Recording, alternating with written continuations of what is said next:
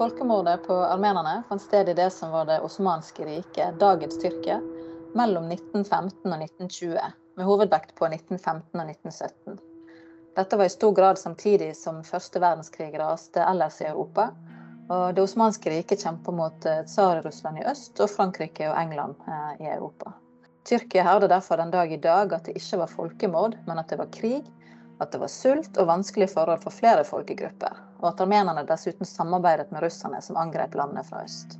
De konkrete tallene på hvor mange som døde under massakrene og deportasjonene varierer, men opp mot 1,5 million armenere ble drept, og det var både menn og kvinner, eldre og barn. Den offisielle minnedagen for folkemordet på armenerne er 24. april, ettersom det var datoen i 1915 da 250 høytstående armenske vitenskapsmenn, geistlige, handelsmenn og andre ble arresterte i Konstantinopel og deportert. Likevel hadde det foregått overgrep og undertrykking av armenerne i det osmanske riket i mange år før den tid. Under folkemordet ble menn regelrett henrettet eller satt i tvangsarbeid på den nye toglinjen som skulle gå fra Konstantinopel til Bagdad, under oppsyn av tyske og østerrikske ingeniører. Kvinner og barn ble sendt ut på lange marsjer, deportert i den syriske ørkenen. Uten mat og drikke, uten transport, og utsatt for sykdom, overgrep og ekstreme temperaturer. Og selvfølgelig var et av hovedmålene med å drive flere hundre tusen kvinner og barn på flukt eh, i, og på vandringer i ørkenen at de skulle omkomme av eh, de ekstreme temperaturene, av sult og av sykdom. Og det gjorde de. Det var, eh, det var, med hensikt at man ikke hadde tilgang til mat. Men mange av disse ble også drept. De ble bundet sammen og kastet ut i elven, eller sperret inne i huler der de døde av røyken fra bål som tyrkerne tente ved inngangen. Mange kvinner ble kidnappet og holdt som slaver, eller tvangsgiftet med muslimer.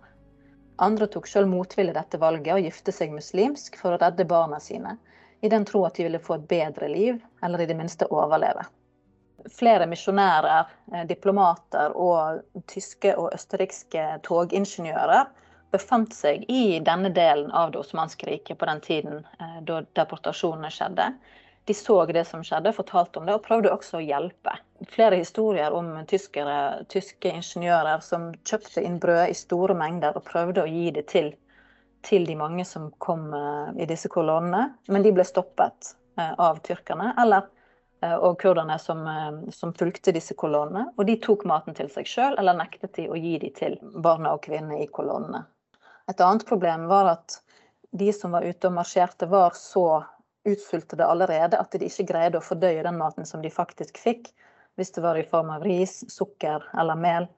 Og de, så, de kjempet så mye om denne maten som kom, at ja, sukker og mel og ris forsvant i ørkenen idet posene ble, ble revet fra hverandre.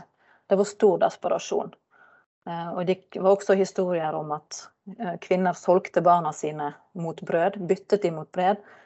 Eh, ikke nødvendigvis for å kunne spise brødet sjøl, men fordi de da håpet at barna ville få et bedre liv og komme seg videre. En historie som, som fremdeles er levende i Armenia, handler om granateplet og hvorfor det er så viktig for Armenia i dag. De aller fleste suvenirer i Armenia har et granateple som dekorasjon, og det går igjen. Og en av de viktige grunnene til det er hvordan granateplet ble brukt under disse deportasjonene. Legenden sier da at man kunne ta med et granateple, gjemme det inn i klærne sine og dele, ta én kjerne hver dag til seg sjøl og til familiemedlemmene sine, og holde det gående på denne lille granateplekjernen Eh, i løpet av dagen. Eh, legenden sier òg at det er 365 eh, kjerner i et granateple, og at man derfor kunne delta i en marsj i et år med et slikt, med et slikt eple. Og det er blant de legendene som lever i Armenia fremdeles i dag. I etterkant av folkemordet spilte vår egen Fridtjof Nansen en sentral rolle i å organisere flukt for mange armenere ved å opprette et såkalt Nansen-pass, så de hadde papirer for å flykte. Mange millioner armenere bor i dag i USA, Frankrike, Sør-Amerika, Russland og Midtøsten. Og det er etterkommere av overlevende fra, fra folkemordet, eller de som rømte. Tre millioner bor i det som er dagens Armenia, på et lite territorium som er mye mindre enn det som var på, i Armenias storhetstid. Samtidig som de kan se Armenias hellige fjell Ararat fra Jerevan, og det minner de stadig om dette store traumet som rammet et, et helt folk. Det er ikke mange som betviler at flere hundre tusen armenere ble deporterte og døde eh, under disse årene i det ottomanske riket. Men Tyrkia nekter fremdeles for at det var et folkemord, og flere historikere nekter å bruke denne betegnelsen.